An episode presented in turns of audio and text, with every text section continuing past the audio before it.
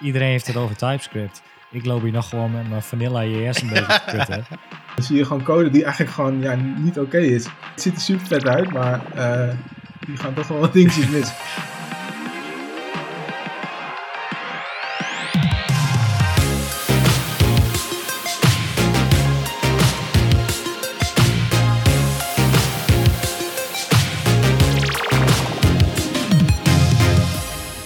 Welkom bij de Pixel Paranoia podcast. Ik ben Mikelle en samen met mijn co-host Rick gaan we alles behandelen rondom UX, UI en frontend development. En uh, in deze aflevering gaan we het weer een beetje anders doen dan andere afleveringen. We hebben namelijk weer een gast, dat hebben we al eens eerder gehad. Maar we hebben uh, dit keer geen asides, we hebben gewoon drie hoofdonderwerpen. Uh, en die gaan we lekker over discussiëren. Dus volgens mij wordt dat wel heel erg leuk.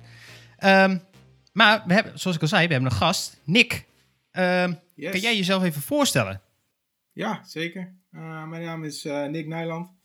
Uh, ik werk sinds maart bij Ilionix en ben ik dus collega's van jullie. Yes. het is een beetje raar in deze tijd. we hebben elkaar nog nooit gezien. Nee, dat is alleen maar digitaal. Wie weet ja. zit, wel, zit ik ja. gewoon tegen een soort AI aan te, ja, te kijken. Ja, ja, Nee, uh, ja, uh, ik, uh, ik heb een grafische achtergrond. Ik heb een grafische opleiding gedaan. Dat is denk ik alweer bijna tien jaar geleden. Tijd gaat lekker. Kijk aan. Um, ja, dus grafische opleiding. En daarna, daarna ben ik ook um, als ja, UX-designer slash grafisch vormgever. Dat was toen nog een beetje vaag. heb ik mijn eerste baan gedaan. En daarna ben ik eigenlijk bij Wekamp gaan werken. Ja, kijk En dat was best wel... Um, ja, meer op grafisch gericht dan op frontend. En er kwam steeds meer frontend bij. Op een gegeven moment kreeg je, dat was een beetje rond die tijd dat uh, frameworks zoals Bootstrap en Foundation heel erg uh, upcoming kwamen. Ja. Ja. Uh, en op een gegeven moment was het ook best wel makkelijk om zeg maar zelf te gaan frontenden. Dus vanuit daar is mijn interesse en een beetje liefde voor frontend ook een beetje begonnen. dat werd steeds meer uiteindelijk was het denk ik 2016, 2017. Uh, toen ben ik in mijn volgende baan gegaan. Connecting the Dots, 3,5 jaar gezeten. Uh, daar had ik echt een frontend, uh, was ik echt voor frontenden. Was de focus iets minder op design. Ja. En wat vind je nou, je vindt frontend dus wel echt leuker dan, dan het design? Ja, ik, ja, ja, zeker. Ja, ik moet wel zeggen dat bij Weekamp heb ik wel een beetje de keuze voor mezelf gemaakt. dat frontend mij wel meer trekt. Oké. Op het, op het moment. Dat kan, bij mij, uh, dat kan bij mij over drie jaar weer anders zijn, weet je wel. Misschien heb ik dan wel zoiets van, ik wil software developer zijn. Maar... Okay. Ja, precies. nee, nee, nee. nee uh, ja, nee, frontend, dat uh, vond ik dus echt wel mooi. maar ik, ik, moet eerlijk zeggen, ik vind um, de mix tussen design en frontend eigenlijk gewoon leuk. Weet je, ja. je, je, je bedenkt iets en je bouwt het vervolgens zelf ook uit. Dat vind ik, dat vind ik echt mooi. Ja, ja, nice. Ja, ja verder, uh, ik ben 32. Ik woon in uh, Harderwijk. Uh, samen met mijn vriendin. vrije tijd, ja, ik maak veel muziek. Ik um, doe redelijk vaak mountainbiken als de zon schijnt. Een mooi weer, fietser. Ja, zo zou je het kunnen noemen. Ehm, reizen hou ik ook wel van. Ik ga graag naar Scandinavië, helemaal Noorwegen, Zweden. Nice. Ja. Uh, dat zit natuurlijk nu niet in. Dat weten onze luisteraars niet. Maar daar komt jouw Volvo passie ja. vandaan. Ja, dat, uh, precies. Ik hou ook wel van Volvo inderdaad. Uh, vooral oude Volvo's vind ik prachtig. Die, die, oude bakstenen, dat vind, ik, ja, dat vind ik gewoon mooi. Thanks. Thanks, ja, precies. Nice.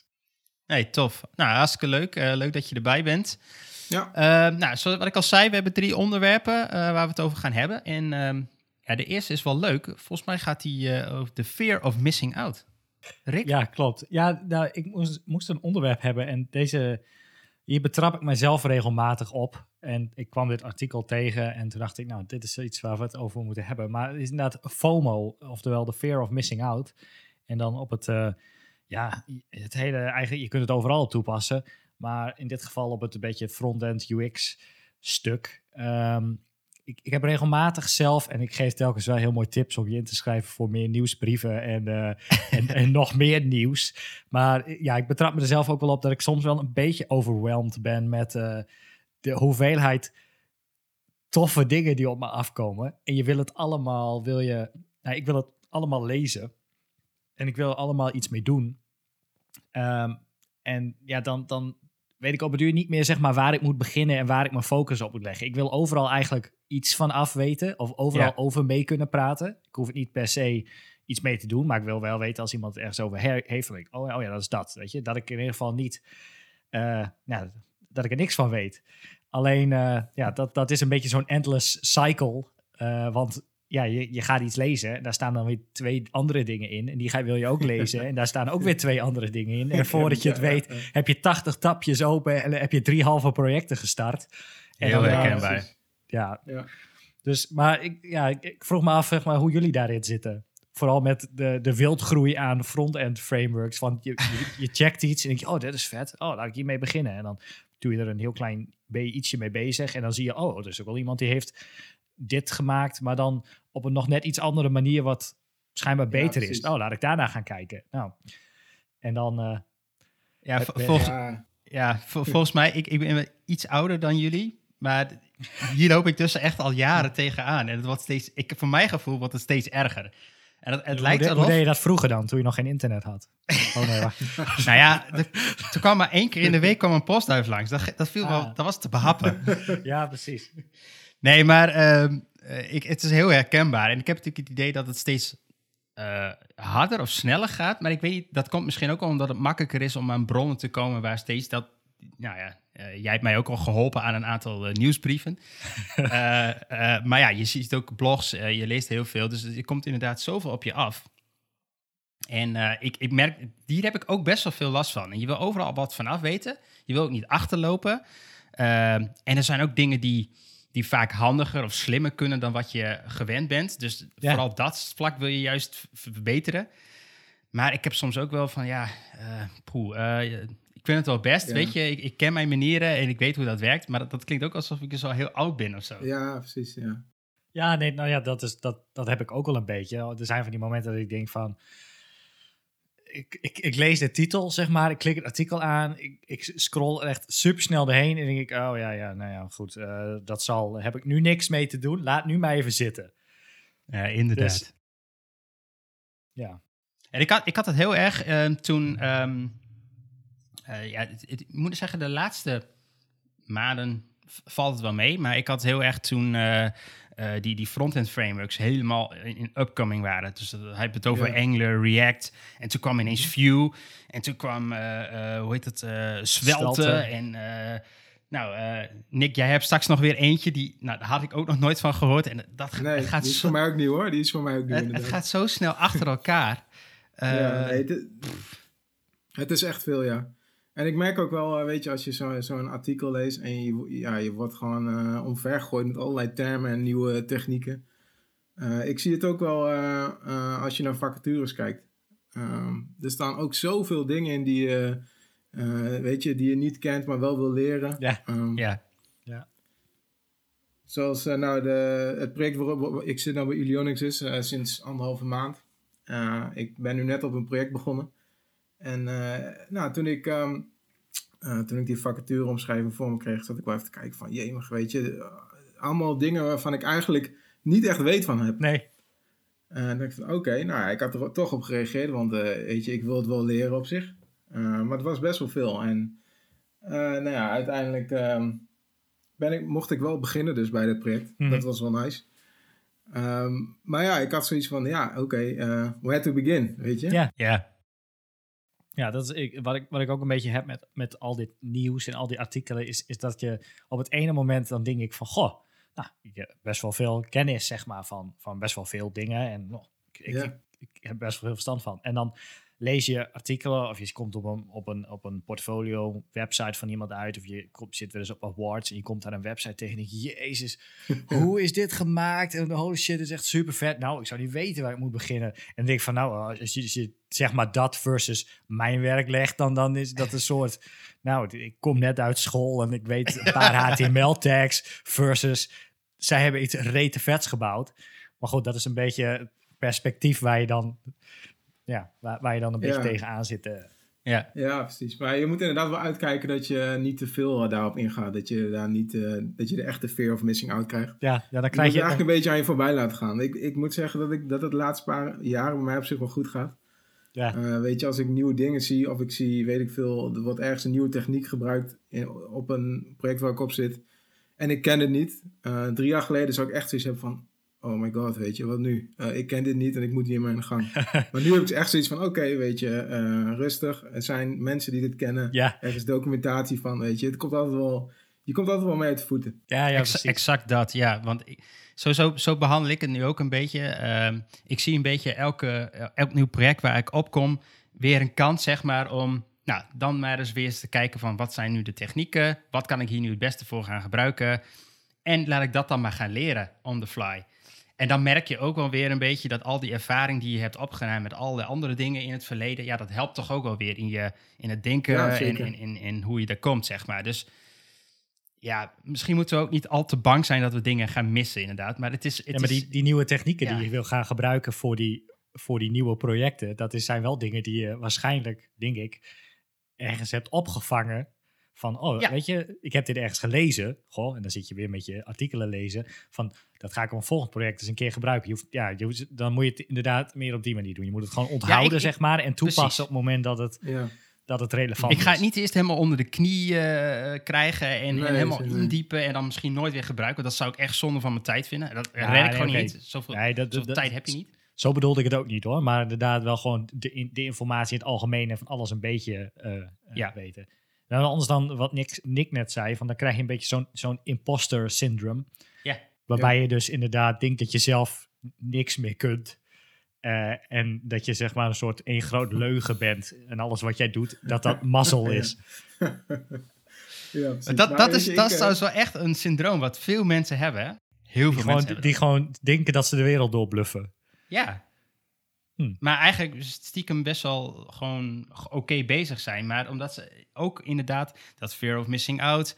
eh, net wat jij zei, je ziet dan awards, bijvoorbeeld projecten voorbij komen. Dat je denkt, nou, ik weet niet hoe ze Ja, dit... Het is ja. gewoon magisch, Ja, zeg maar. Ja, zeker. Ja, dat zijn ook mensen, weet ik veel, honderden uren mee bezig geweest. En die hebben daar ook echt, eh, misschien is het wel een one-off project. Who knows, Ja. weet je? Ja, ja, dat, dat. Dat, dat is ook wel een beetje. Dat staat er ook wel bij. Dat je ook moet kijken naar. Ehm, die mensen die dat heel goed kunnen, die kunnen misschien weer iets wat, wat, Ja. wat jij wel kunt. Of die, Zeker, zij kunnen ja. iets niet wat jij wel kunt. En, Ja. en jij hebt toevallig iets gevonden waar zij heel goed in zijn. Ja. Nou, ik moet ook wel zeggen, weet je, ik, ik kijk inderdaad ook, ook wel eens op awards. En dan, eh, dan zie je inderdaad echt een super mooie website, weet je wel. Dan zie je, ja, je kijkt gewoon je ogen uit. En dan kijk je, dan klik je even je DevTools open, dan kijk je door de broncode heen en dan zie je dat iemand daar echt wel heeft lopen struggelen, weet je wel. Dan zie je gewoon code die eigenlijk gewoon ja, niet, oké is. Nee. Je denkt van, oké, oké, het ziet er super vet uit, maar eh, hier gaan toch wel wat dingetjes mis. ja, precies, precies. Nee, dus dat was mijn, eh, ja, was mijn, mijn, mijn fear of missing out. En ik was dus inderdaad even benieuwd hoe. Maar wat, wat, wat, eh, ga je er nu zelf aan doen? eh, om dat Oh, wat niet ga ik er dat zelf gevoel, eh, te krijgen? Ja, dat is, dat is op zich wel een goeie. Ik, eh, ik heb in ieder geval het voornemen genomen om... eh, maar dat is ook een beetje... Die, die nieuwsbrieven komen in het weekend niet. Dus in het weekend heb ik een beetje de days off, zeg maar. Dan, dan, maar serieus, op Twitter en zo... is in het weekend is gewoon... Ja, weet ik komen een, stu- een stuk minder tweets van Ja. de mensen die ik volg binnen. Eh, dan kan ik de hele dag niet kijken. En aan het eind van de dag heb ik eens 100 tweets. En terwijl ik op een werkdag... eh, als ik een middag niet kijk, 250 tweets voorbij zijn gekomen, zeg maar. Maar goed, ehm, nee, in het weekend in ieder geval niet mee bezig zijn. En eh, ik eh, maak een, een betere selectie in wat ik wel en niet eh, ga lezen en, en, en zo. En ik, Ja. heb, ik gebruik nu een toeltje, het Pocket, Get Pocket. Zit in Firefox ook standaard. Daar kun je een soort, ja, een soort online bookmarks. Daar sla ik dingen in op met tags die ik ehm, nu niet wil lezen of relevant vind, zeg maar. En die kan ik dan op een later moment eh, Ah, ja. eens een keer, eh, keer lezen. Eh, dus eigenlijk is het een soort, eh, wordt het een soort groot, groot boek waar ik dan eens een keer in kan kijken als ik eh, me verveel Ja, en op zoek ben naar nieuwe inspiratie of zo. Dus dat is Ja, een check. beetje hoe ik ermee mee deal. Ja, En, precies. en inderdaad dus eh, bedenken dat de toffe shit die jij ziet, dat die mensen waarschijnlijk eh, dingen niet kunnen die jij wel kunt. dat geeft ook wel Ja, een beetje voldoening. Ja, check. Oké.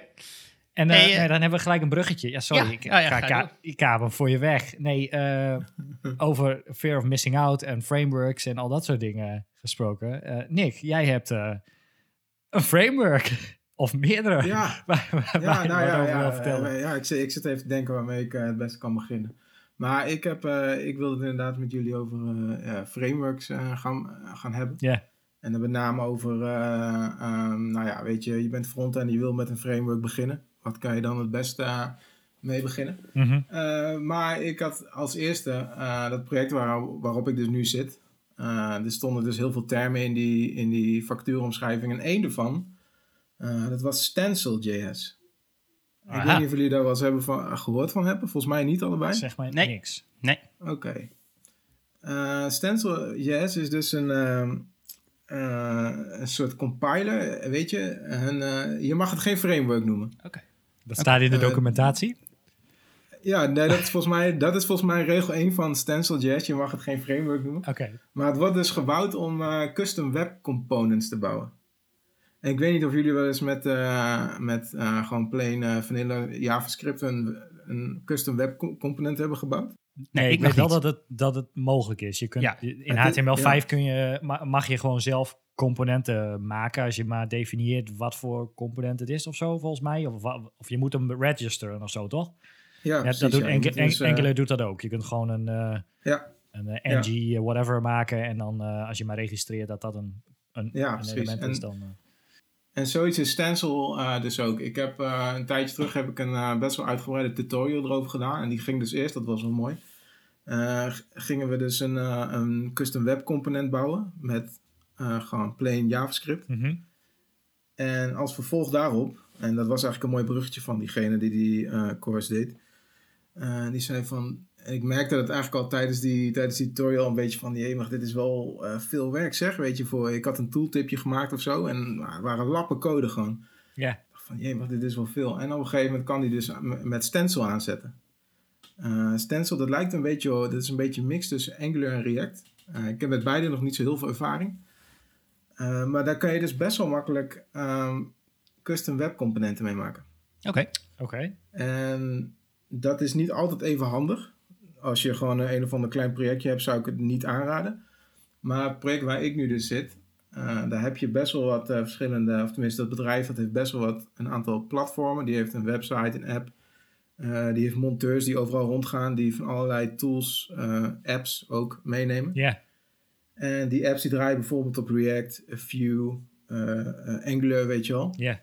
En wij maken dus custom web componenten. En die kunnen zij dus binnen hun framework inladen. Dus die zijn gewoon unive- universeel op elk framework in te laden. Nice. Oh. Oké. Dus dat is wel heel nice inderdaad. En wa- wat, wat voor component kan dat dan zijn? Heb je een voorbeeld? Eh, ja, dat zou iets heel makkelijks kunnen zijn. Eh, het zou eh, een model kunnen zijn of een tooltipje. Eh, Oké. Maar eh, ik heb nu ehm dit project gezien. Eh, momenteel ben ik zelf met een network diagnosis tool bezig. Mhm. Dus die test het netwerk van een, eh, van een klant of iemand die zijn eigen netwerk wil testen. Ja. Eh, dus zulke tools zijn dat. Oké. Oké. Maar het kan ook van alles zijn hoor, weet je. Het hoeft niet per se zo'n eh, service tool te zijn. Ja, dat, ik kan me voorstellen dat dat wel handig is. Want vaak hebben die grote organisaties hebben natuurlijk inderdaad heel veel kleine Ja. projectteams of externe ingehuurde eh, zaken en, Ja, en, en eh, onderdelen van de website waar dus verschillende technieken voor worden gebruikt. En met Stencil.js kun je dan dus componenten Ja. bouwen die universeel kunnen worden ingezet door Ja, verschillende precies. dingen heen. dus dan kan je dan binnen jouw project kun je daar eh, een, bijvoorbeeld een npm package van maken. En die kunnen dan eh, mensen die bijvoorbeeld de website of de app beheren, kunnen die gewoon eh, ophalen en gewoon gebruiken in hun project. En hoe zit En- dat met styling? Even gewoon, of stel ik hele domme vragen. Nee, je kan, dus, je, kan, je, je kan dus twee dingen doen. Je kan dus de Shadow DOM instellen. Ik weet niet of jullie weten wat het is. Ja. Ja. Eh, ja, dat dus. Eh, dus je kan eh, kiezen voor, eh, wil je styling van de website overnemen, wil je eh 100% mijn eigen styling me- meegeven. Oké. Het is een beetje zoals kan- Angular ook doet. Ja, Ja. ja. je, je hebt gewoon je eigen stijlsheet, die, eh daar kan je voor kiezen, wil je die inladen, wil je die niet inladen. Ja. Oké, ja, Ehm, dat lijkt me nog wel, lijkt me aan de ene kant nog wel weer lastig. Want je maakt een, Ja. maakt een componentje en die ziet er op een bepaalde manier uit, denk ik. En ik kan me voorstellen dat de styling Ja. van die verschillende onderdelen of verschillende websites daar eigenlijk misschien totaal andere wendingen aangeven, Ja, waardoor klopt, die het klopt. niet overal dan doet. Maar als je je eigen Ja, styling zeker. er weer aan koppelt, dan valt het misschien weer totaal uit de toon bij die verschillende. Het is een beetje Dat, dat moet je... de discussie die we in een vorige aflevering hadden, Rick, eh, volgens mij, met ehm, eh, of je dat, die, die styling scope wil eh, hebben op je component of niet, of dat je algemene styling gaat doen. Ja, en ja, ja, ja precies. dat, Ja, Die discussie. Ja. Ja, daarmee kan je het wel vergelijken inderdaad, ja. ja. oké. En het genereert dus eh, gewoon eh, vanilla web components die dus overal inzetbaar zijn. Ja. Oh, cool. Dus dat is wel nice. En, en waar, eh, waar helpt Stencil.js nou eh, verder in dan? Eh, die compiled eh, eh, ehm, de JavaScript. Ja, nee, oké, Dus je hebt maar een- wat, wat, kijk, ik weet wa- wat Angular allemaal kan en die heeft eh, routings en weet ik veel. Zit dat dan ook allemaal in Stencil.js? Nee, dat, dat zit daar niet in. Daar heb je wel echt een apart framework voor Ah, oké, oké. Nee, het, is, het wordt echt gebruikt echt puur voor die losse componenten. Juist, oké. En heeft het dan ook Ja. iets, iets ehm, eh, eh, hoe moet ik het zeggen? Ehm, eh, heeft het dan ook een, een framework waar al die componenten zichtbaar in zijn? Of dat je een soort van storybook hebt? Die- waar- Toevallig, Ja, toevallig zit ik net in Ja. de documentatie. Ik klik net open, Style Guide. Want ik was heel gemakkelijk af. Ik, je hebt toch vast iets waar je dan al die componentjes in Ja. kunt zien. Ja, ja, nee, inderdaad. Bij het bedrijf waar ik nu zit heb je inderdaad eh, ja, we een storybook hebben waarin alle, alle tools, alle componenten die zijn gemaakt, eh, die zijn er gewoon zichtbaar en kun je daar gewoon doorheen lopen. Dat is wel cool. Nice. Ja, En, en kun je een beetje uitleggen dan, eh, nou ja, zonder misschien al heel veel detail in te gaan, maar hoe, hoe, hoe komt zo'n component tot, tot stand? Is, is, dat is gewoon een wens en jij gaat gewoon lekker geklust, helemaal ge, gescoped aan zo'n klein componentje werken Ja. dan? ja nou, het is volgens mij wel, eh, weet je, ik zit er nog maar twee weken. Eh, momenteel zijn wij dus bezig met, ze hebben bij het bedrijf allemaal oudere packages, dus oudere tools, oudere componenten eigenlijk. Eh, die zijn nog allemaal gebouwd in AngularJS, dus de oude Angular en de oude React. Eh, die zijn we nu aan het omzetten, eh, zodat die ook kunnen worden toegevoegd aan die componenten die dan, zij, die dan bijvoorbeeld de websitebeheerders, de appbeheerders weer kunnen gaan gebruiken. Maar het, het zouden ook inderdaad nieuwe wensen kunnen zijn. Oké. Dat is wel interesting. Dat is wel iets... eh, Ja, zeker. Ja, nee, ik kan het je echt. eh, het is best wel leuk om eens mee te spelen. Eh, ik heb dus een best wel goede tutorial eh, gevonden en ook gekocht. Die was niet zo duur, was 11 euro geloof ik. En dan heb je dat, volgens is mij geen, iets van 10 dat is geen geld. Nee, nee, nee, dat is volgens mij van Udemy. Dat is, uh, die mensen stunten wel redelijk met prijs altijd. Maar eh, daar heb je volgens mij iets van 10 uur aan, aan lesmateriaal. Oh, nice. En het is best wel cool, want wat ik dus al zei, weet je. Ze laten je eerst zien van, hey, je, kan een, je kan je eigen webcomponenten maken, je kan custom componenten maken. Dat is best wel, best wel wat ik al zei, dus het is best wel lastig in JavaScript. Nou, lastig. Ja. Je hebt gewoon veel code voor eh, slechts een klein ja, of zo, weet je wel. En dan, la, dan, dan laat je echt zien van, nou, met Stencil eh, kan het in, laten we zeggen, 20 regels code. Ja, Weet je, die bouwt een package en dan ben je eigenlijk al klaar. Die kan je overal gebruiken waar je wil. ja maar je wil, wil je dit eigenlijk voornamelijk gaan gebruiken op het moment dat je in een situatie zit waar je meerdere frameworks hebt? Want waarom zou je dit gebruiken als je ook Angular hebt of een React-applicatie? Ja, nee, nee, inderdaad. Nee, als je alleen Angular hebt, eh, dan, dan zie ik eigenlijk niet, nog niet echt de meerwaarde. Nee, precies. Als, je, als jij echt, eh, nou ja, zoals het bedrijf waar ik nu zit, als jij echt een app hebt, een website hebt, Ja. eh, je hebt meerdere Frameworks. installateurs die overal, ja, meerdere frameworks, ja, nee, oké. dan, check. dan zie ik echt wel meerwaarde. Ja, nee, ja, dat, dat lijkt me logisch. Cool. Ja, nee, ze hebben wel, nou, als je gewoon naar stenciljs.com gaat, dan, dan staan er wel wat tutorials op en dan heb je vrij duidelijke documentatie. Oké. Nou, dus zullen we in ieder geval eh, die linkjes even in de beschrijving zetten. Eh, misschien ook wel was voor mij vrij nieuw. eh. naar die tutorial. Dat lijkt me ook wel, wel leuk. Ja, ja, ja. Nee, was voor mij was die vrij nieuw Stencil Jazz. Ik, nou, ik zag dus die vacature-omschrijving. En er stond Stencil Jazz tussen. Nou, dan ga je meteen googlen natuurlijk. En dan kom je Maar, maar je, eh, even voor, voor, voor jouw beeld. Je, je, je stapt er dus redelijk snel in. Als ik dit zo begrijp. Ja, nou, ik moet eerlijk zeggen, ik heb eh, een tijdje terug heb ik ook best wel een uitgebreide eh, Angular cursus gedaan. En ehm, Stencil zit een beetje tussen Angular en React in qua eh, template syntax. Ja, ah ja. Dus het was wel, het, je moet ook TypeScript gebruiken. Dus als je daar nog niet echt ervaring mee hebt, dan is het misschien wel wat lastig op te pakken. Ja, oké. dus het is aan te raden om TypeScript een beetje onder de knie te krijgen en dan eens te gaan Ja, kijken naar... Ja, zeker. Dat is ook nog eentje, TypeScript. Ja, Iedereen heeft het over TypeScript. Ik loop hier nog gewoon met mijn Vanilla JS een beetje te kutten. Ja, zet hem maar op, nou ja, zet hem maar op de lijst met FOMO-dingen van precies. TypeScript. Moet ik ook nog steeds een keer iets mee, iets mee doen. Maar Ja, maar als je, dit is misschien weer een mooi bruggetje. Als jij geen TypeScript ervaring hebt, eh, begin dan gewoon met Vue. Vue. ja, Ja, ik heb. Oké, ik heb één keer iets met Vue gedaan. Eén keer, oké. Ik heb een, eh, een heel klein, eh, een hele kleine website gemaakt die de status van de laadpaal in de parkeergarage ophaalde.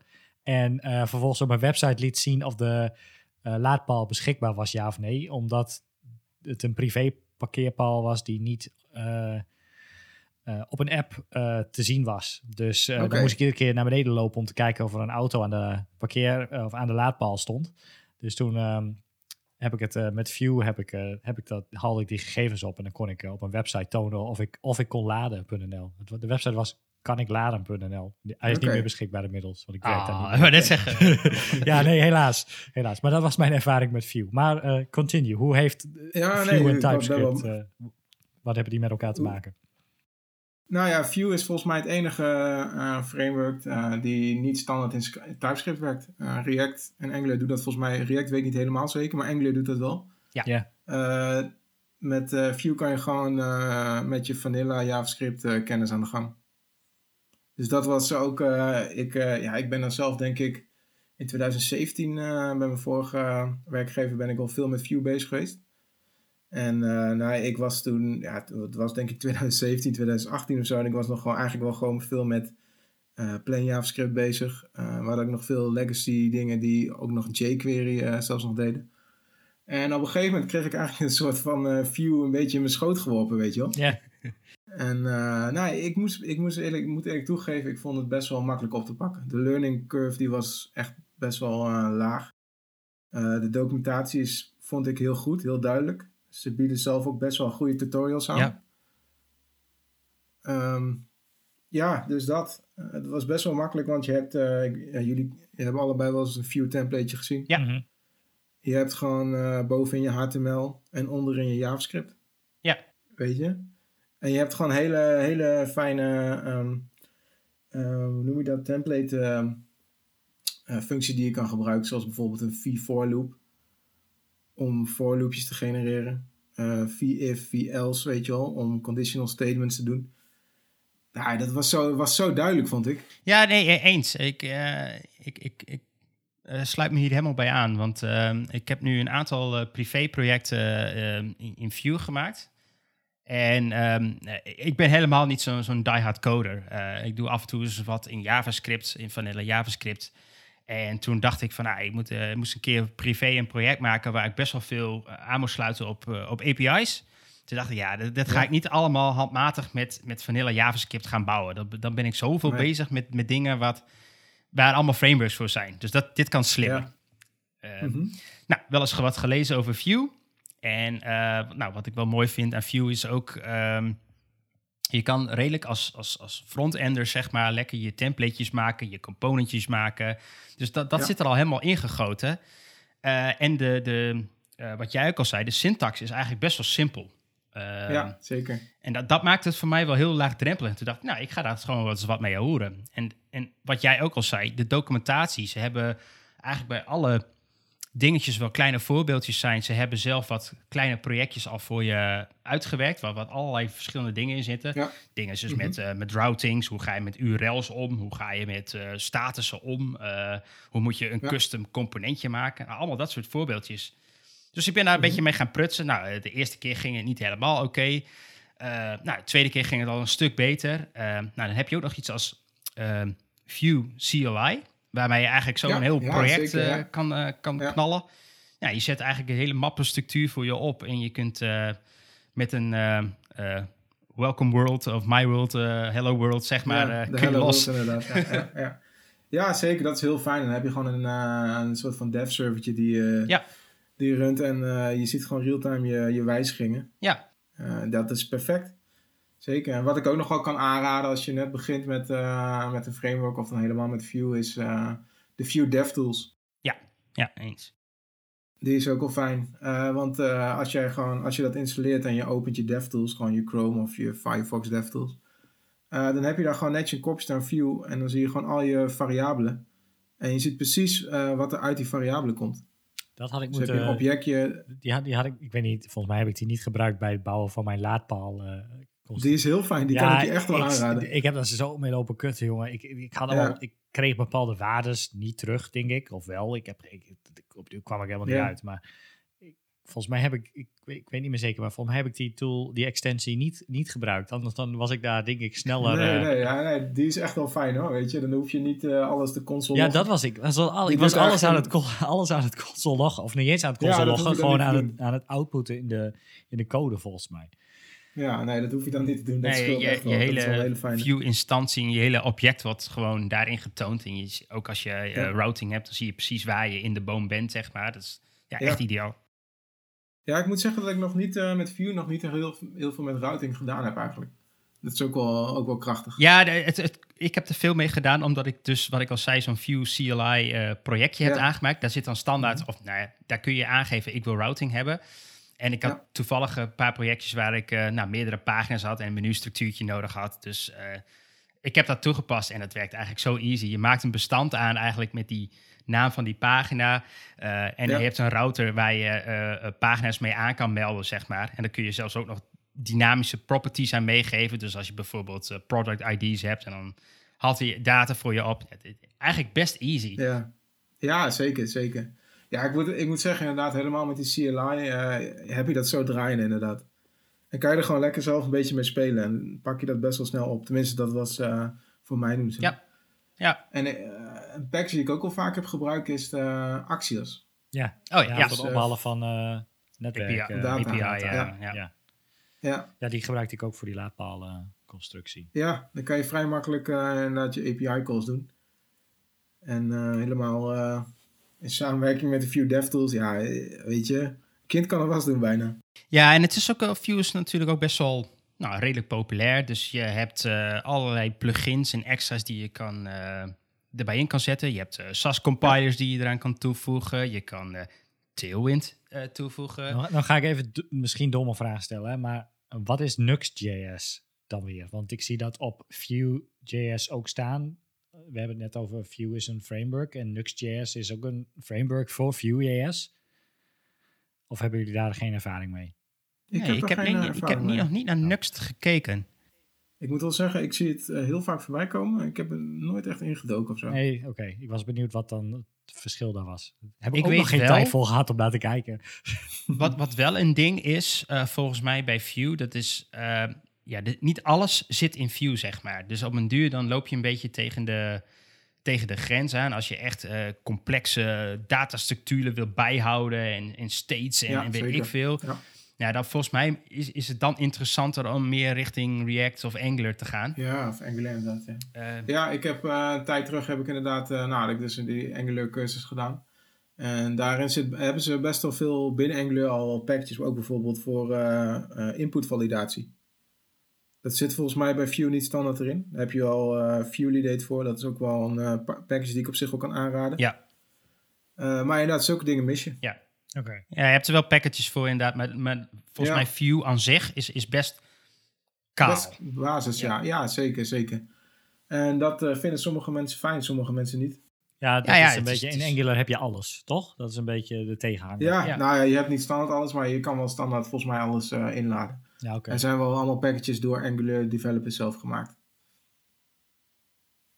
Maar ik moet wel zeggen, als jij, eh, als jij ehm, eh, een baan gaat zoeken en jij wil een framework gaan leren, dan kan je misschien beter Angular of React eh, leren. Want daar is volgens mij wel iets meer vraag naar dan Vue. Ja, ja eens. Je ziet gewoon meer de, de wat grotere corporates die allemaal eh, ja, richting Ja. toch wel wat, die wat zwaardere front-end frameworks zoals React en Angular eh, bewegen. Ja. Ja, ja. eens. Nou, ik moet zeggen, als jij als, jij als, als software developer een framework wil gaan oppakken, dan, dan ligt Angular of React jou misschien makkelijker, omdat die syntax is gewoon iets makkelijker te begrijpen als een backender, denk ik. Oké. Ik had, in ik had er in het begin best wel moeite mee. Eh, ik vond het best wel lastig om te leren. Eh, ook al heb ik een Vue-achtergrond. Ehm, ze bieden trouwens wel Angular op hun website een hele goede eh, cursus aan. Volgens mij de Tour of Heroes heet die. Waarin ze in een paar stappen eigenlijk eh, de basics van Angular uitleggen. Ook met de CLI van Angular. Oké. Ja, dat, dat werkt best wel eh, fijn. Nou ja, je, je zegt wel iets grappigs, want dat is ook een beetje wat ik om me heen zie. Eh, zeg maar een beetje de mensen die uit de design en, en de frontend qua HTML, CSS hoek komen, die gaan meer richting een, een view. En de mensen die echt Ja. van, van diehard backends komen, PHP, Java, Ja. die, Ja, die, ja, die ja. vinden Angular veel meer eh, eh, fijner. Ja, die pakken dat zo op. Ja, ja, precies. Ja, ik denk toch omdat gewoon de syntax van Vue is gewoon makkelijk te begrijpen als jij eh, wat minder een programmeerachtergrond hebt. ja, ja, eens. Dus daar zou ik, volgens Brad Frost, zou ik dan willen zeggen dat Vue een beetje onder de frontend of de frontend hoort. En de Angular kant is een beetje de frontend of de, de backend of de frontend. Ja, ja. ja. Hey, cool. Ja, ik, ik, ik Ja. neem gewoon de leiding, maar eh Ja, dat mag. eh. daar gaan we... eh, ja, jouw onderwerp sluit hier mooi op aan, denk ik. ja. Nou ja, dat, eh, wel een beetje inderdaad. Eh, want ehm, ik, kom, ik kwam een artikeltje tegen, en, of die kom ik eigenlijk wel vaker tegen. eh, de nieuwsbrief subscription of zo. Eh, dat zit ik me af te vragen of ik hem daar vandaan heb of niet. Of dat ik gewoon een beetje aan het rondklikken was op, eh, op UXdesigns.cc, Een volgens beetje, mij. beetje rondklikken op het internet. Op het internet, precies. maar ik kom dan weer dus een keer een eh, artikel tegen. En die kom je ik, eh, eens in de zoveel jaar kom je weer zoiets tegen. Wat is nou de toekomst van UX? En ik dacht van, nou, die ga ik eens eh, meenemen naar deze aflevering. Want daar kun je volgens mij eh, uren over praten. Eh, en ik ben ook wel benieuwd naar jullie meningen. Want ja, wat ik een beetje om me heen zie, even als eerste eh, onderwerp, zeg maar, is van ja, er zijn ook wel een beetje, als ik een beetje naar de websites kijk en naar de apps, qua patronen die we gebruiken en die we inzetten, dat begint wel eigenlijk allemaal redelijk standaard te worden. Dus Mhm. daar zit niet meer zo heel veel ehm, ja, gebieden in wat je nog moet ontdekken, zeg maar, of wat, nog, wat we nog helemaal nieuw kunnen toevoegen. Ehm, Nee, ja, dus vind- UX niet een beetje saai? Dat is een goede vraag. Nou ja, ik, ik, vind, ik, ik vind de ontwikkeling die we hebben meegemaakt op het gebied van ehm, in eerste instantie responsive webdesign. Althans, dat we naar de telefoons en iPods en dat soort dingen gingen met mobiele websites. Ja. Ehm, waarbij in eerste instantie we onderin een, nou, laten we het appbar noemen of zo. Zeg maar op een website dat je daar, of in een app, dat je daar de, de hoofdopties had. Gingen we richting een hamburger. En toen hebben we allemaal die presentatie van Steve Jobs gezien, waarbij die aangaf waarom de iPhone nog een kleiner scherm had dan de concurrenten. En dat was omdat jouw duim niet zo ver over dat scherm heen kon gaan. En daarom had, stond alles onderin en dat soort dingen. En vervolgens zijn er meerdere onderzoeken geweest naar die, naar die hamburger. Onder andere Nielsen Norman heeft dat gedaan. En nu zijn we eigenlijk, zijn nou ja, eigenlijk alle apps die geüpdate zijn de laatste jaren. eh, een Spotify, et cetera, een Facebook, eh, you name it, Instagram. Die hebben allemaal die functionaliteiten allemaal weer uit die hamburger getrokken en teruggebracht onderin die, in die balk. Ja, die tabbar, Ja. ja. Oké. In die, ja. in die tabbar. Dus eh, ja, de cirkel is volledig rond, zeg maar. En, Ja, en, wat je dan zegt, de, de, ik zie weinig eh, nieuwe interactiepatronen. Af en toe heb je nog wel eens iets in een app of een website waarvan je denkt, oh, nou, oké. Ja, zeker. Maar nee, ik word niet meer eh, dat ik een app denk, holy shit, dat is vet. Dat, ja, wel dat het mooi eruit ziet, maar niet dat het, ik dacht van, wow, daar, eh, daar ik nooit over nagedacht dat je op die manier Nee. iets kunt, eh, kunt doen. Maar misschien is dat ook helemaal niet slecht, hè? Nee, nee, nee, nee, precies. Ja, ik, Ja, grappig dat je erover begint. Ik zat laatst op, wat was dat, Gaming Bible geloof ik, de website. En daar merkte ik inderdaad dat ze inderdaad het eh, menu eh, hadden ze eh, inderdaad links onderin staan. Wat ik best wel fijn vond, omdat ik heb niet zo'n lange duim. En ik heb een hele lange telefoon, dus ik kan er gewoon altijd moeilijk bij, weet je. Dus ik, ik, ik, ja, ik was er wel een soort van content mee. Ik moest wel even wennen van, oh, oké. Het menu, als, als in, het, het, het- Het hamburgermenu, om hem te toggelen, staat zeg maar bij je duim. oh, die zat links onderin. Ja, ja. Oh, oké. Dat- heb je zeg maar het logo van Gaming Bible. En zodra je die openklikt, hè, krijg je dan vier eh, onderwerpen, geloof ik. Ik weet niet precies hoe het helemaal zat. Maar ik vond het wel, ik dacht, denk, ik, oké. Oké, dat, eh, dat, dat ja, is er. Dat is waarom niet? eigenlijk is het alweer innovatief. Want als ik heb nooit een Ja. hamburger links onderin gezien. Maar het Nee, nou klinkt ja, logisch. je, ja, nee, Miguel die, eh, die vertelde laatst dat hij dit onderwerp mee wil nemen. En ik heb, ik heb hier een lijstje gemaakt met van, oké. en ehm, nou, dat stond eigenlijk bovenaan mijn lijstje, de hamburgermenu's Ja. en de functionaliteit daarvan. Want ik stoor me best wel aan dat die dingen altijd helemaal ergens boven in het scherm zitten. In Ja, plaats dan van moet je altijd zeg maar Ja, e- even je telefoon zo in je hand, zo, Ja. zo even loslaten, Ja, een beetje naar beneden laten glijden, snel weer vastpakken Ja, ja, en dan, ja, ja, jij snapt hem. Ja, dan ja. in de hoek eh, klikken en dan weer een beetje omhoog gooien. Ja. ja, ja.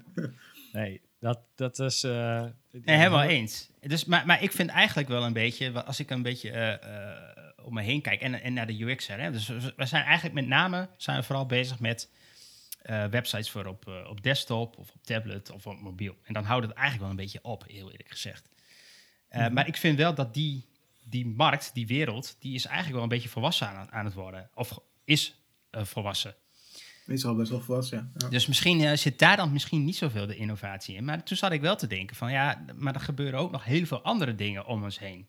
En dingen worden wel, eh, we gaan wel steeds kijken naar kunnen dingen makkelijker gemaakt worden. En dan heb ik het bijvoorbeeld over auto's en over tv's en over koelkasten en smartwatches en eh, smart homes. En we praten met Alexa's en Google's. En zit daar dan niet meer gebied waar de UX'er misschien meer naar zou moeten kijken? En waar we ook misschien meer de bedrijven naartoe moeten laten bewegen.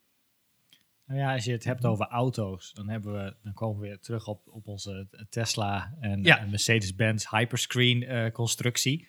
Waarbij, nou ja, volgens mij bij Tesla en misschien tegenwoordig bij de andere automakers eh, ook meer wordt nagedacht over de software. Eh, want normaal gesproken is dan bouwen ze een auto, klappen ze een scherpje in en dan, nou, als je een beetje a- van auto's houdt en je kijkt autoreviews op YouTube, dan zie je vaak genoeg dat mensen door dat menu heen gaan en dat, er, nou, dat het gewoon niet uitziet en ook voor geen meter werkt. Maar goed, weet je, hoe fucking care als die auto rijdt toch? Ehm, en nou ja, Tesla heeft daar wat meer aandacht aan besteed. Televisies, ik heb net een nieuwe televisie gekocht, eh, een LG eh, van de duurdere eh, range. En daar heb je zo'n Magic Remote waarbij je naar je tv kunt zwaaien. En dan krijg je Ja. vet magisch een soort cursor in beeld. En ik, eh, Wow. nou, ik vind dat echt een uitvinding van de eeuw. Ik heb dat wel eens bij andere mensen gezien. Maar eh, dat is echt, dat vind ik geniaal. Waar je normaal gesproken, had normaal een, een oudere LG, gewoon met een afstandsbediening. En als je dan door het menu heen wilde gaan, je moest naar beneden, dan ging je 16 keer op pijltje naar beneden klikken. En als je dan iets moest invoeren op dat toetsenbord, dat is helemaal horrible. Vooral als dat zo'n automatisch gegenereerd wachtwoord is van je, van je password generator. En je moet dan invullen op zo'n scherm. Dan zie je dat hele toetsenbord af te gaan met links en rechts, omhoog en naar beneden. Oh, shift helemaal naar links. En nu heb je zo'n Magic Remote waarbij je gewoon naar je scherm kunt zwaaien. En dan verschijnt er een cursor in beeld. En dan kun je gewoon klik, klik, klik, klik, klik. En dan ben je zo klaar. Wat echt heel smooth werkt. Oké, Oh, jullie hebben het allebei. Ja, ik, ik heb ook een LG TV en eh, die inderdaad. En wat ik zo, ehm, eh, het is een beetje de, eh, ik weet niet of, je, of jullie een, ehm, een Wii hebben gehad, een Nintendo Wii. Ja. Die Ja, had die ja, Wii mode zeker. en dat is Ja. eigenlijk een beetje dat idee. Oh, ja. Ja, exact dat. Oh, ja. ja. En dat is Ja, echt dat is geniale manier om je televisie te, te bedienen. ja. Het enige nadeel is dat de apps die er dan op staan weer worden gemaakt door een RTL en een NRL Ziet en weet ik het allemaal. En dat is allemaal weer... Ik denk, jezus, Ja. moet dat nou weer zo ingewikkeld zijn? Eh, daar wordt dan weer niet over nagedacht. Maar de LG OS, WebOS heet het volgens mij, Experience, vind ik wel, eh, Oké. eh, vind ik wel, vind ik wel wat hebben. Dus daar, daar is dan wel weer over nagedacht. Ja, nou ik moet zeggen, ik heb, ik heb echt een hele oude televisie. Of nou, heel oud. Ik denk dat die uit 2015, 2016 komt. Een Sony Bravia, geloof ik. En er zit, een, eh, er zit standaard zat er een eh, Netflix-app op. En die staat er nog steeds op. Maar dat is, dat is binnen, wat is het, ja, vijf jaar is het gewoon zo'n drama geworden, weet je wel. Je kan hem nu weer updaten. Het is gewoon echt gewoon. Ja, dat, dat je, dat je nu een, een Chromecast in je tv moet douwen om... eh, Ja, dat, dat heb ik al volgens mij sinds eh, 2017 of zo. Want dat is, maar weet je, dat gaat zo snel. Dat, dat- Ja. Ja, ik, ik meen dat ze wel de afgelopen jaren of zo, dat er ergens een regel is dat ze nog drie jaar updates moeten doen. Omdat er Ja, heel veel mensen klopt, gingen ja. klagen Ja. over eh, van, oh, ik heb vorig jaar zo'n tv gekocht of drie maanden geleden en oh, hij is nu al end of life. Want eh, ja, we hebben een nieuw model. ja. Ja, ja. Ja, er, er zit ook een, eh, een internetfunctie op. Nou, dat, dat, dat was in 2015 gewoon huilen, weet je wel. Dat is zo langzaam en dat is gewoon zo niet te doen. Dus dat, dat, dat is wel een inderdaad. Die Maar moeten wij, eh, internetfunctionaliteit had ik op mijn andere LG ook. En daar, die begreep ik daar niet. Want dan, als je dan een URL wil invullen, dan moet je Ja. dat hele, he, moet je dat hele URL invullen op dat toetsenbord met je. Nou, dat is niet te doen. Nee, dat kan makkelijker. Maar moeten we, zouden we niet als, als UX'ers ehm, eh, daar dan meer, misschien mee bezig moeten? Met meer die andere devices en, en eh, bedrijven meer helpen om op andere devices hun diensten af te nemen? Ik, ik weet het niet, hè?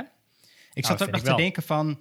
Ja, we zijn er in het begin eh, eh, waren we met een, eh, een muis bezig en toetsenborden.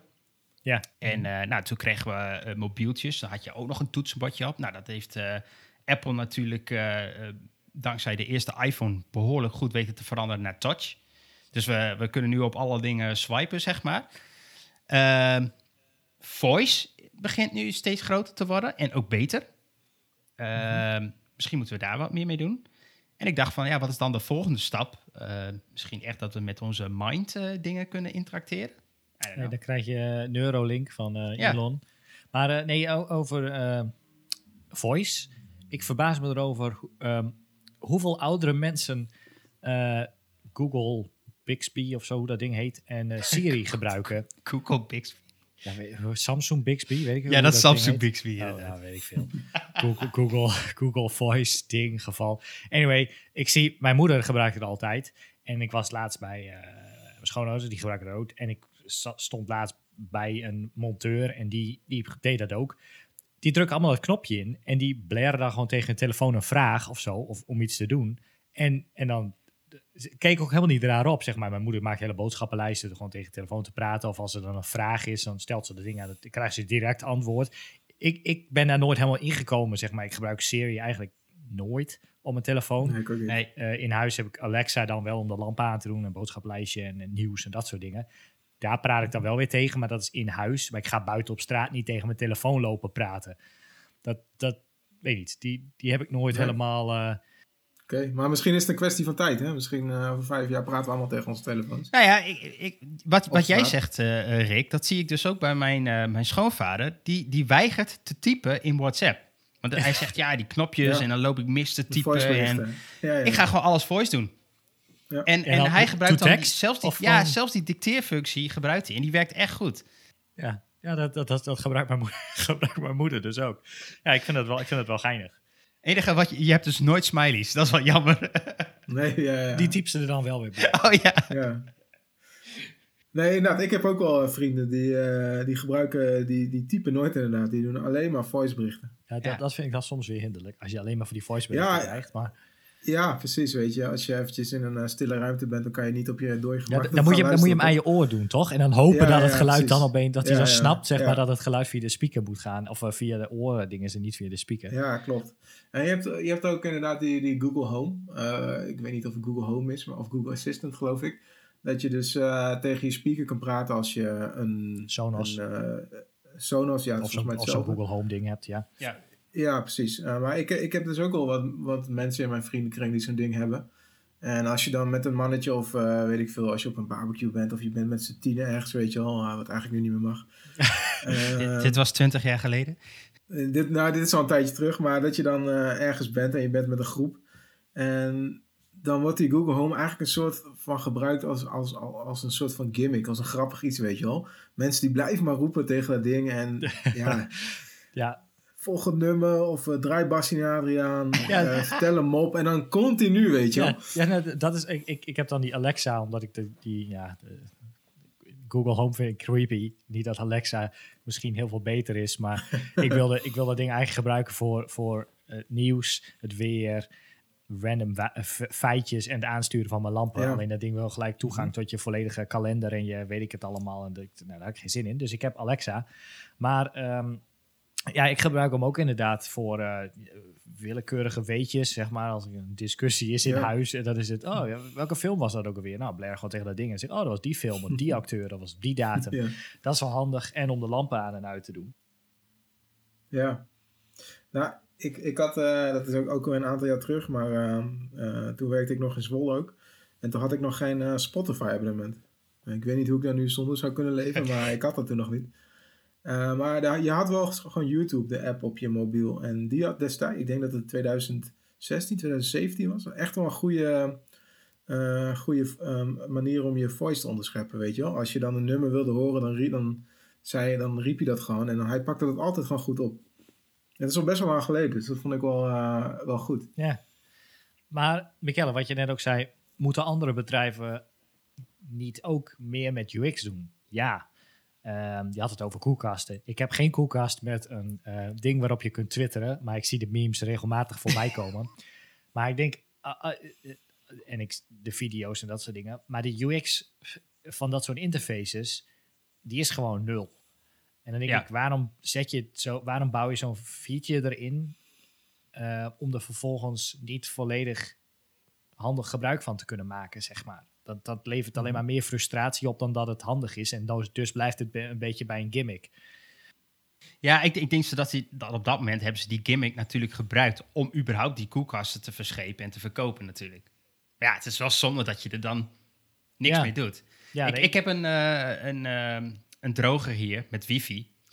Eh, en dan kun je op de app zien wanneer je droger klaar is. Dan krijg je een melding. Oké. Om heel eerlijk te zijn, dat was eh, eh, één keer leuk. Daarna werd het irritant, want ja, fuck it, hij is klaar. Nou, zo wat. Eh, Ja. Ja. ik haal het er Ja, wel uit wanneer ik zin in heb. En vervolgens gebruik je het nooit weer. En eh, ik ben verhuisd, ik heb hier die droger neergezet. Ik heb hem nooit aangesloten op het wifi-netwerk. En dat geeft Nee. ook wel weer aan van... Ze hebben een soort Ja. van poging gedaan om toch in die wereld te duiken. En dat was een soort van extra feature mee te verkopen. Maar ze doen maar er kun, dan kun niks je hem mee. ook starten op afstand of zo? Ja, dat kan ook. Ja. Misschien is dat handig. Kan me voorstellen. Of zo. Maar je Ja, kunt ook gewoon met toch- een timer op dat ding zelf, als je hem toch vult, kun je ook hem dan aanzetten en zeggen dat je hem. Ja, Exact, exact. Dus ik, ik, Ja. ik miste een beetje de, de, de, de, ja, de, het voordeel er nou echt van. ja. Mhm. ik, heb net, ik heb net een nieuw scheerapparaat gekocht. Een Philips ding. Eh, een wat duurdere. En die kreeg ook een, eh er is ook een app bij. En dat ding synchroniseert met Bluetooth. En dat ding, eh, nou, in het begin dacht ik, oh, dat is vet. Een app ding voor je scheerapparaat. Ik weet niet helemaal waar ik ermee moet, maar oké, app gedownload. En eh, nou, eerst geeft hij allemaal tips en zo. En hij laat zien hoe vol de batterij is. Dat kun je ook op dat apparaat zelf zien. Dus oké, voor als je denkt van, ik kom bij op je werk en ik, oh, moet me vanavond Oh, moet scheren. Is, is hij eh, leeg? Oh, nou, daar heb je er wel steeds niks aan. Maar goed, Ja, nou Je ja, kunt het- een beetje herkenbaar wel. je kunt, het, je kunt in, in die app zien wat de batterijstatus is. Eh, maar hij, geeft ook, hij synchroniseert ook je, je scheerbeurten met de app. En dan laat hij zien ehm, of je goed hebt gescheerd. Dus zeg maar, je moet schijnbaar in cirkels scheren en maximaal drie minuten of zoiets dergelijks, want dat is beter voor je huid. En dan gaat hij dus miepen van, nee, je hebt 4,5 minuut gescheerd. En dan is het oranje, zeg maar. En dan, let op, doe dat niet weer. En Oké. ja, alleen eh, er zit ook een, een trimmer op.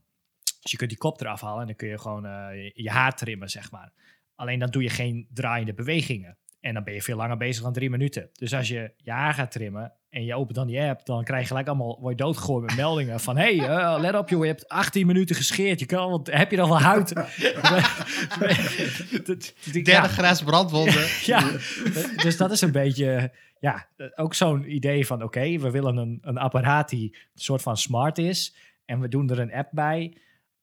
Maar ik zie niet helemaal het nut wat ik nu nog aan die De app... toegevoegde Nou ja, waarde hij, hij, hij, hij telt zeg maar hoe vaak je, hoeveel scheerbeurt je hebt gedaan en dan, dan eh, moet je hem in zo'n cleaning pot zetten en dan gaat hij cleanen Ja. en zo. Het klinkt een beetje alsof ze die functionaliteit gecopy-paste hebben van hun ehm, tandenborstels. Want ik heb dus een, zo, Ja, eh, een, zeggen, eh, een ja. Philips eh, Sonic Care eh, tandenborstel. Die kan dat ook allemaal. Die precies hetzelfde Ja. manier. Ja, En het lijkt wel van, nou, als we dat daar doen, dan doen we dat ook op onze Ja, scheerapparaat. precies. Maar het is wel misschien wat ver gezocht. Want ik heb inderdaad eh, ik heb een elektrische tandenborstel. En ehm, eh, er stond volgens mij op de wordt aanbevolen twee minuten te poetsen. ja, En dat is dan 30 seconden per deel van, je, van je gebit. En zeg maar, elke 30 seconden krijg ik dan een zacht trilletje. En na twee minuten begint die echt op Ja, ja, weet je best wel hard te trillen. Dat is op zich al genoeg, toch? Ja, dan, Ja, ik, ja, ik, ik, heb, ik heb die allergoedkoopste elektrische tandenborstel van Philip. Die doet exact dat. En meer niet. Ik heb Oh ja, geen app. ja. Dus hij doet inderdaad, hij trilt Mhm. één keer of hij trilt twee keer als hij klaar is. Ja. En ja, meer, meer heb ik niet nodig. Dat, dat- Dan weet ik dat er twee minuten erop zitten. Dus ik, misschien dat je, als je houdt van... Je bent zeg maar echt into Excel en statistieken... dat je dan kunt zien wat je gemiddelde Ja, poetsduur ja, ja. is. Nou, die zou dan als goed is twee Ja. minuten zijn... tenzij het dus langer Ja, doorgaat. precies. En hoeveel, hoe vaak je tanden hebt gepoetst of zo? Ik heb geen idee. Ja, maar die, goed, en die van Ja. mij geeft ook nog melding als je te hard poetst. Dan gaat hij zo... dut, dut, Oh, En dan eh, weet je dat je te hard poetst. Dat is dan Ja. wel, eh, goed misschien. ja. Maar heb je daar een app voor nodig? Nee, daar heb je absoluut. Ik gebruik die hele Nee, app toch? niet. Ik, eh, ik weet Nee, dat ik de poetsbeurten uit kan lezen en dat hij dan ook aangeeft wanneer die borstel vervangen met je moet worden. en dan een afspraak inplannen. Ja, precies. Maar de, de borstel Ja, geeft zelf ook aan wanneer, dat, eh, wanneer die eh, eh, borstel vervangen moet worden. Want dan gaat hij ook trillen in het begin. Dan gaat hij dit, dit, dit, dit, en dan weet je, oh ja. Dus, maar Mhm. ik vind het wel grappig, want het zijn wel allemaal klein beetje UX-achtige dingetjes. Hè? Die trillingen waar we het net Ja. over hadden. Dus ik heb daar een beetje over na zitten denken. En ik heb wel het idee dat alle technologie om ons heen, en computers en interfaces en websites, het moet wel allemaal menselijker worden. En meer accessible. Eh, we zijn nu ook heel druk bezig met, eh, nou, we hebben net twee afleveringen gehad over accessibility. Ook zo'n hot topic nu.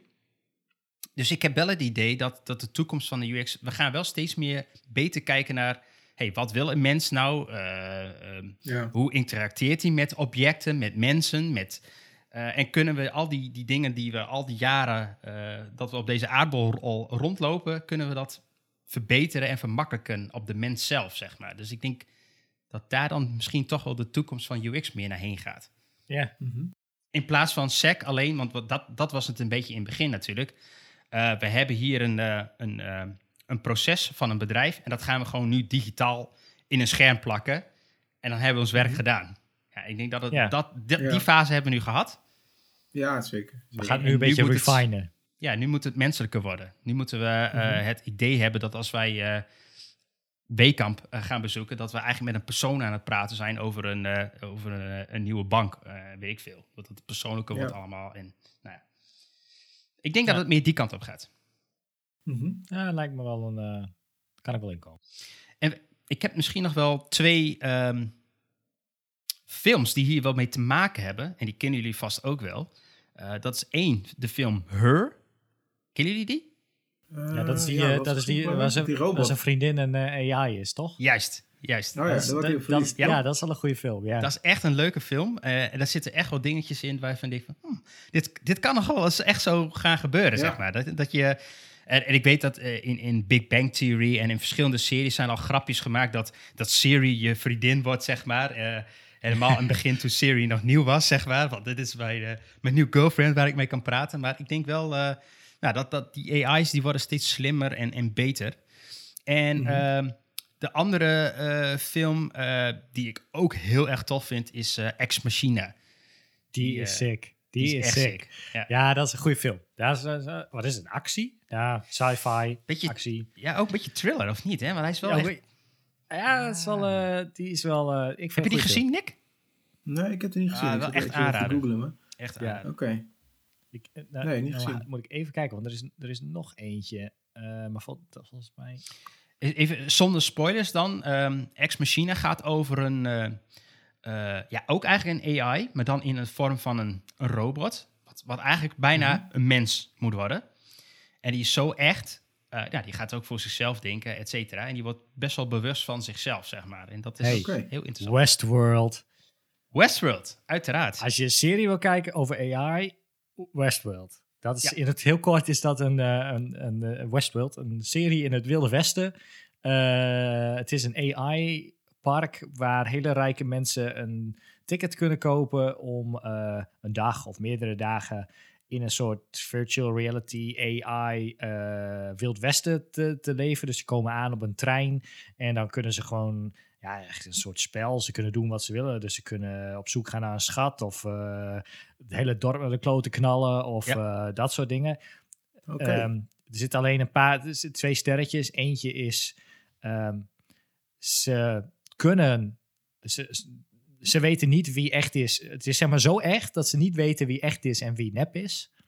Eh, ze kunnen hosts, dat zijn de, de robots zeg maar, die kunnen ze neerschieten. Maar ze kunnen ook gewoon echt mensen vermoorden, zeg maar. Dus als ze de verkeerde persoon zouden neerschieten, dan plegen ze wel echt moord.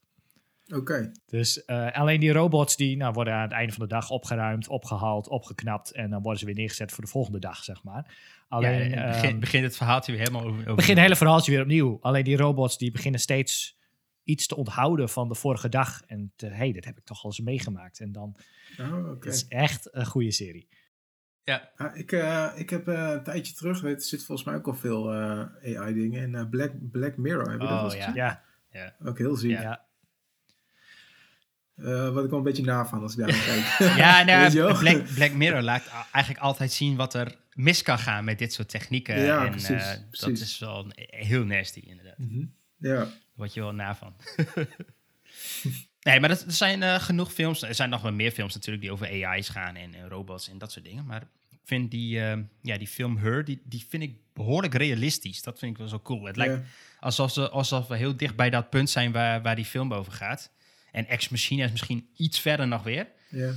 Alsof wij nu heel dicht bij de, zeg maar, Ja, de ja waar, we nu eh, zitten in de ja, tijd, ja, zeg maar, ja. dat zitten we best wel dicht bij Her, denk ik. Ja, Ehm, zeker. Waar, waarbij zo'n AI, waar je, ja, dat is nog geen fysiek object, maar we kunnen er wel op mee praten. Nou, Siri en, en Alexa, en, nou, die komen al aardig in die buurt. Nou, Die hebben nog niet echt conversaties met jou, maar nou ja, als ze daar een beetje moeite in gaan stoppen, dan eh, kan dat maar zo gebeuren. Ja, klopt. Ja, ja ik, speel, ik speel wel veel Rocket League en daar heb je ook eh, bots mee en die eh, zijn ook gebaseerd op eh, AI. En die zijn best wel goed, moet ik zeggen. Ja, ja die leren, die, Die leren, die- leren- die leren gewoon leren van, echt- eh, echt snel. ja. Oh, dat is Ja. echt tof. Dus nou, dat, dat wou ik eigenlijk een beetje kwijt over de toekomst van UX. En eh, nou, dat gaan we vast Ja. nog wel vaker over hebben in, in deze podcast. Ehm, ja, en normaal gesproken hebben we, eh, nou nu ook, hebben we een footer. waar we ja, gewoon wat we random tips, dingetjes, dingetjes wat we leuk vinden, wat we tegenkomen. En eh, ik ben benieuwd of jullie ook een, eh, wat dingetjes hebben meegenomen. Ja, ik heb er hier nog iets staan en dat is eh cssstats.com. Eh kun je een website invullen, je eigen website invullen. En dan ehm, maakt hij een analyse van je stylesheets over gebruikte kleuren, font sizes, eh, pff, al dat soort dingen. En dan maakt hij een mooi overzichtje van. Wel geinig, ook, is om, eh, om naar te kijken. En dan zie je van, hé, hey, ik gebruik eigenlijk veel meer eh, kleuren groen, eh, paars en roze dan ik in mijn style guide heb zitten of zo. Je hebt meerdere van deze tools hoor, maar deze die, die is heel simpel om te gebruiken. Doet- Doet hij ook iets met toegankelijkheid? Nee, volgens mij niet. Volgens mij maakt hij gewoon analyse van je font, font sizes en je kleuren, je Oh, lettertypes, oké. Ja. je meest gebruikte selectors. Nou, dat soort dingen. Gewoon geinig om, om eens naar te kijken. Dat Cool. eh, was mijn tip. En Westworld dan. ja. Eh, heb jij één, Nick? Eh, nee, ik heb eigenlijk geen tips. Ik had eigenlijk Stencil meegenomen hier naartoe. En eh, ja, View. Oké. Eh, ja, weet je, wil je een framework oppakken, eh twijfel je wat, wat je moet gaan oppakken, dan ja, begin met Vue. Weet je, eh, ga naar viewcli.org is het geloof ik. Eh, die CLI heb je met een minuutje geïnstalleerd, twee Ja, minuten. ja. Eh, weet je, je bent up en running. Nee, dan, dan gaan we die eh, in de description zetten. Ehm, Ja. ja, ik heb zelf... ehm, het is heel dom, want ik, ik, ik kwam vandaag een aanbieding tegen voor Google TV. En ik dacht, hè, wat is Google TV? Ik werd dat blijkbaar helemaal gemist, want vorig jaar eh, augustus heeft Google aangekondigd dat zij met een nieuwe Chromecast aankwamen. En eh, een van de laatste is volgens mij de Chromecast Ultra, die eh, 4K eh, kon streamen. En Google heeft nu een nieuwe, zo'n dongle die je achter in je tv drukt, zeg maar, eh, gelanceerd. En dat is Google TV. En die gaat iets breder, eh, iets verder, moet ik zeggen. Eh, er zit ook een afstandsbediening bij. Eh, normaal gesproken, wat je doet eh, met de Chromecast, is je hebt eh, verschillende apps op je mobiel. Eh, denk aan YouTube, eh, je mobiel zelf, eh, Google Home, Sonos, whatever. En eh, je kunt dan eh, streamen naar eh, je Chromecast toe. En eigenlijk zeg je van, hey Chromecast, ga dit maar afspelen voor mij. En dan doet hij dat op je tv. Ehm, die Google TV, die werkt iets anders. Dat is eigenlijk een apparaat wat op zichzelf kan werken. Dus daar heb je niet je telefoon voor nodig als afstandsbediening. Daar zit dus zelf een afstandsbediening bij en heeft ook zelf een interface. Eigenlijk is het een soort media player. Ja, het is eigenlijk een soort media player. Ehm, maar het, het is niet zo als een media player met zijn eigen storage, zeg maar. Dus het, het gaat nog wel allemaal van streamingdiensten. Maar het heeft wel een eigen interface waar je met allerlei diensten en zo kan connecten. Ehm, verder heeft het exact dezelfde functionaliteiten als die, eh, die Chromecast Ultra. Dus qua, qua hardware, en hij kan 4K streamen, et cetera. Dat is allemaal exact hetzelfde. Maar het heeft dus eenzelfde interface. En wat wel tof is, en dat werkt volgens mij helaas nog niet in Nederland. Eh, maar dat gaat er natuurlijk wel aankomen. Is dat eh, Google iets slims heeft bedacht. Die heeft eigenlijk eh, het zo gemaakt dat je met al die diensten. waar jij misschien nu abonnement voor hebt. Dus denk aan YouTube Premium. Denk aan Netflix. Denk aan Amazon Prime. Denk aan HBO. Nou, whatever. Die combineert hij allemaal in één interface. En dan zou je denken van, nou ja, oké, dat is nog, nog niet zo heel spannend. Ik kan al die DOS diensten ook wel op mijn tv bedienen. Maar wat, Google gaat nog weer één stapje verder. En die gaat eigenlijk op basis van wat jij kijkt, leren wat jij ook interessant vindt. En op basis daarvan ook suggesties doen op bepaalde, van, uh, op bepaalde series, films, whatever, op die diensten. Mm -hmm. En gaat dat eigenlijk, je kunt dus direct vanuit een soort van gepersonaliseerde tv-gids tv gaan kijken en hij pikt dan elke keer iets uit aan een X-dienst, zeg maar. En dat, dat, dat lijkt me echt wel tof. Dat doet Netflix ook. Okay. Die denkt uh, momenteel ja. dat ik een, een nazi uit 1945 ben. vorige week was ik nog een Jason Statham fan. Dus het, uh, nee, maar dit gaat wel wat breder, breder dan dus alleen het Netflix aanbod. Uh, of alleen het HBO-aanbod. Het combineert al die diensten bij elkaar. En wat nog wel tof is, ja, ja. Okay. in Amerika combineert het het ook nog met uh, tv-diensten. Dus je kunt daar gewoon tv kijken. Uh, ik noem maar even iets heel gek voorbeeld. Uh, je hebt MTV, het programma Catfish, ik noem maar wat. Stel je bent daar fan van. Nou, dan ben je waarschijnlijk ook fan van andere reality series. En dan gaat het gewoon Google kijken van... hey, wat voor series spelen dan nu op Netflix, HBO, YouTube Premium, whatever. En doet die suggesties dan voor jou. Maar dus, je moet wel abonnement hebben op iedere service. Exact, dat wel. Dus je ja. koopt een kastje die geld kost. Ja. Om volgens een interface te hebben. Het is eigenlijk, je betaalt nog eens extra geld om al die dingen waar je al geld voor betaalt te combineren in één interface. Ja, maar dus het is een wel... stukje, klein stukje gebruikersgemak om op één scherm door alles heen te kunnen bladeren. Ja, maar het is, het is meer dan bladeren. Hè? Het, het met, is... met een extra afstandsbediening. Ja. Voorbij die andere 18 bij je tv. Klopt. Maar het, het, is, het is verder dan, dan sec bladeren. Want het, het gaat ja, echt... Hij doet suggesties en zo. Ja. Ja, nou, dat is ook en hij maakt dus een eigen tv-gids voor je. Een eigen helemaal een tijdlijn. Waar die al die programma's achter elkaar zitten. En jij kan gewoon lekker tv kijken. Zoals je dat normaal okay. zou doen. Uh, okay. Dus ja, je hebt je, eigenlijk je eigen persoonlijke tv-zender. Uh, ja, oké. Okay. Dat, dat, dat nice. kan ik voor bepaalde mensen... Kijk, ik, ik, ik kijk geen dagenlang tv. Uh, als ik tv kijk, dan heb ik wel redelijk helder wat ik wil gaan kijken, zeg maar. Ja. Maar als je inderdaad een beetje zinloos tv zit te kijken, dan, dan snap ik wel dat het fijn is om gewoon naar een zender te kijken waar alles op voorbij komt wat je eigenlijk zou willen zien. Ja. Zonder dat je het zelf ja, wist. Ja. Ja. Wat nou, ja, dat is wel goed. Want wij hebben inderdaad, wij hebben Netflix, wij hebben Videoland, wij hebben Amazon Prime, weet je wel. En er zijn op elke service zijn er wel een paar uh, series of films die, of docus die we graag kijken. Ja. En dit combineert het dan eigenlijk allemaal. En ja, en uiteraard kun je ook suggesties krijgen die je bij Google kan kopen. Ja, ik zou, ik zou alleen het liefst willen dat zij een abonnement aanbieden waar ik gewoon voor x bedrag ja, dat op alles kan kijken. Ja, in plaats van dat, ik een abonnement moet hebben op alles. Want dat is een beetje het hinderlijke wat nu ontstaat. Want iedereen, want The Office die trekt alles van Netflix om te beginnen naar weet ik veel hoe ze dat hebben genoemd bij uh, uh, NBC. Die heeft ook zijn eigen uh, streamingdienst. En Disney heeft alles van Netflix getrokken, want die heeft Disney Plus nu. En YouTube ja. Premium, die heeft dingen. Ik heb geen idee wat, maar in ieder geval geen advertenties. En, of nog steeds advertenties, ik weet het niet. Nee, nee, nee. En uh, Amazon Prime heeft ook wat. En Apple TV Plus, die heeft ook wat ja, dat tikt wel aan als je overal 12,99 moet gaan betalen. Ja, dat, dat is, dat is ja, fors. Ja, er is nog helaas niet een soort van Uber-abonnement. Dat dacht ik eerst ook even toen ik dit zag. Van, ah, oh, dit is vet. Dan, dan, neem ik een abonnement af bij Google en dan heb ik al die diensten. Nee, ja. helaas dat niet. Je connect dus wel met de diensten waar je zelf dan abonnement voor hebt afgesloten. Maar hij kijkt wel netjes van de, van de diensten dus die je hebt. En niet zozeer naar de diensten die je niet hebt. Dat zou heel flauw zijn. Ja, nou, ik, ik zie ze ja. er nog wel voor aan. ja, nee, maar dat doen ze dus niet. Dat vond ik wel heel goed van ze. Ja. Uh, en je kan het ook trouwens, dat vond ik ook wel tof. Je kan het combineren met, uh, ook met Plex bijvoorbeeld. Dus als jij lokaal films hebt staan, privéfilms. ook die neemt hij mee. Oké. Okay. Ja, precies. Cool. Vakantievideo's en zo. Ja.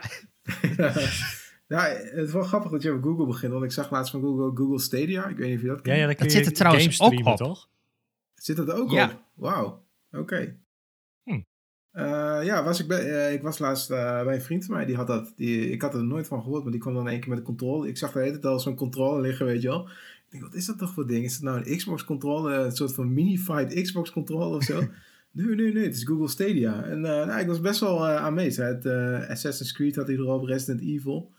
Eh, best wel nice, maar inderdaad ook een soort on-demand, eh, geloof Ja. ik, voor tien, tientje per maand of zo, dacht ik. Dat je gewoon kan gamen. En, Ja, het enige nadeel van, eh, van Google Stadia is, is je moet dan nog wel voor de losse titels nog weer betalen. En ja. ja, dat, dat is Oh, dan... dus dat een- tientje per maand geef je geen toegang tot die games. nee, Een een aantal. Oké, een aantal ik dacht- ja. Ja, Maar als je echt een, eh, een, een, een, nou, zeg maar een AAA-title wil, bijvoorbeeld Call of Duty, ik noem maar wat, ja, dan moet je daar nog los voor lappen. En het vervelende vind ik dan een beetje van, nou, je zegt, stel je hebt er geen zin meer in, je zegt het op, ja, dan ben je die game dus ook kwijt. Je hebt, je hebt niet een game gekocht, zeg maar. nee. Ja je, ja, je bent hem kwijt. Hij zal nog wel in je account hangen. Ja, zo, tuurlijk, Maar ja, je kunt maar- er niet meer bij. Nee. Ja. Maar inderdaad, dat Google Stadia, dat is ook wel eh, interessant om, eh, om naar te kijken. Zeker als je niet een, een grote aanschaf wilt doen, eh, of, of een, echt een appa- fysiek apparaat wil, een PC of een, of een console in Ja. huis wil. Ja. En het werkt. Ik geloof dat het zelfs het streamt, geloof ik. Ja, het, het- je- eigenlijk Ja. wordt het gewoon ergens in een datacenter wordt het allemaal gerenderd. En het streamt gewoon naar jouw tv toe. ja. Met praktisch geen lag. Dat, dat vind ik echt Nee, heel Dat amazing. vond ik ook wel knap, ja. Ik was best wel eh, meteen al sceptisch over, weet je wel. We gingen Assassin's Creed eh, uit even gedemoed. En dat ging echt wel goed. ja. Weet je, eh, gewoon niks op aan te merken. Dat, dat ging En hartstikke iedereen goed. maar in de rij staan voor een PlayStation 5. Terwijl je het ook gewoon in de Amazon Ja, datacenter kunt gaan. eh. Ja. ja, precies. Ja, cool. Oké. Nou, dat, eh, dat, dat was hem eh, voor deze aflevering weer. Ehm, mocht je eh, ons nog niet volgen en wel naar deze aflevering luisteren, volg ons dan even. We zijn eh, eh, te beluisteren op Spotify en op Google Podcast en Apple Podcast of nog tal andere diensten. Dus kies je favoriet. En eh, volg ons. En mocht je een suggestie hebben of wil je ook een keer bij een aflevering zijn, ga dan naar pixelparanoia.com slash contact. En ik zou zeggen, laat een berichtje achter, dan neem ik contact met je op. Ja. Dat was hem. Tot de Yes. volgende keer. Yo, later. yes.